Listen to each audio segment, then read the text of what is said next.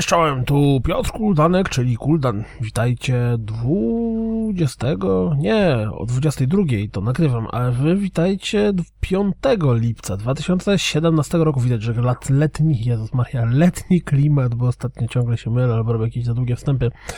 W każdym razie zaczynamy nowy codziennik. W nowym zwiastunie Night Trap 23rd Anniversary Edition zobaczyliśmy nowy tryb, który zostanie dodany do gry.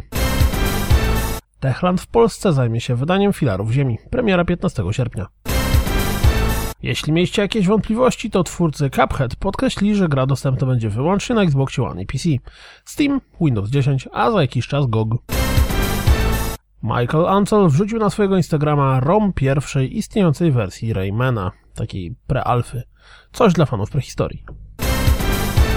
Szef Rebellion poopowiadał trochę o planach na rozwój firmy i przy okazji zapowiedział Evil Genius 2. Do Mass Effect Andromeda dodany zostanie nowy poziom trudności.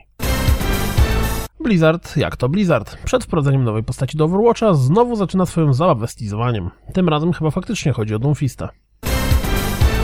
Jeśli lubicie RTS-y i VR, to może zainteresować Was Brass Tactics, przedstawiony w rozmowie z jednym z twórców. Pojawiło się trochę rozgrywki z Rabi Ribi w wersji na PlayStation 4.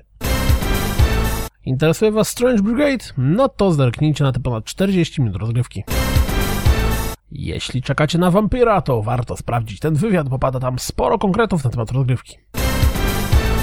Wyciek fragment rozgrywki z Gran Turismo Sport, z którego wynika, że samochody będą ulegały zniszczeniom. A przynajmniej tak można by interpretować magiczną opcję Don't Repair Anything, czy tam jak to tam wygląda.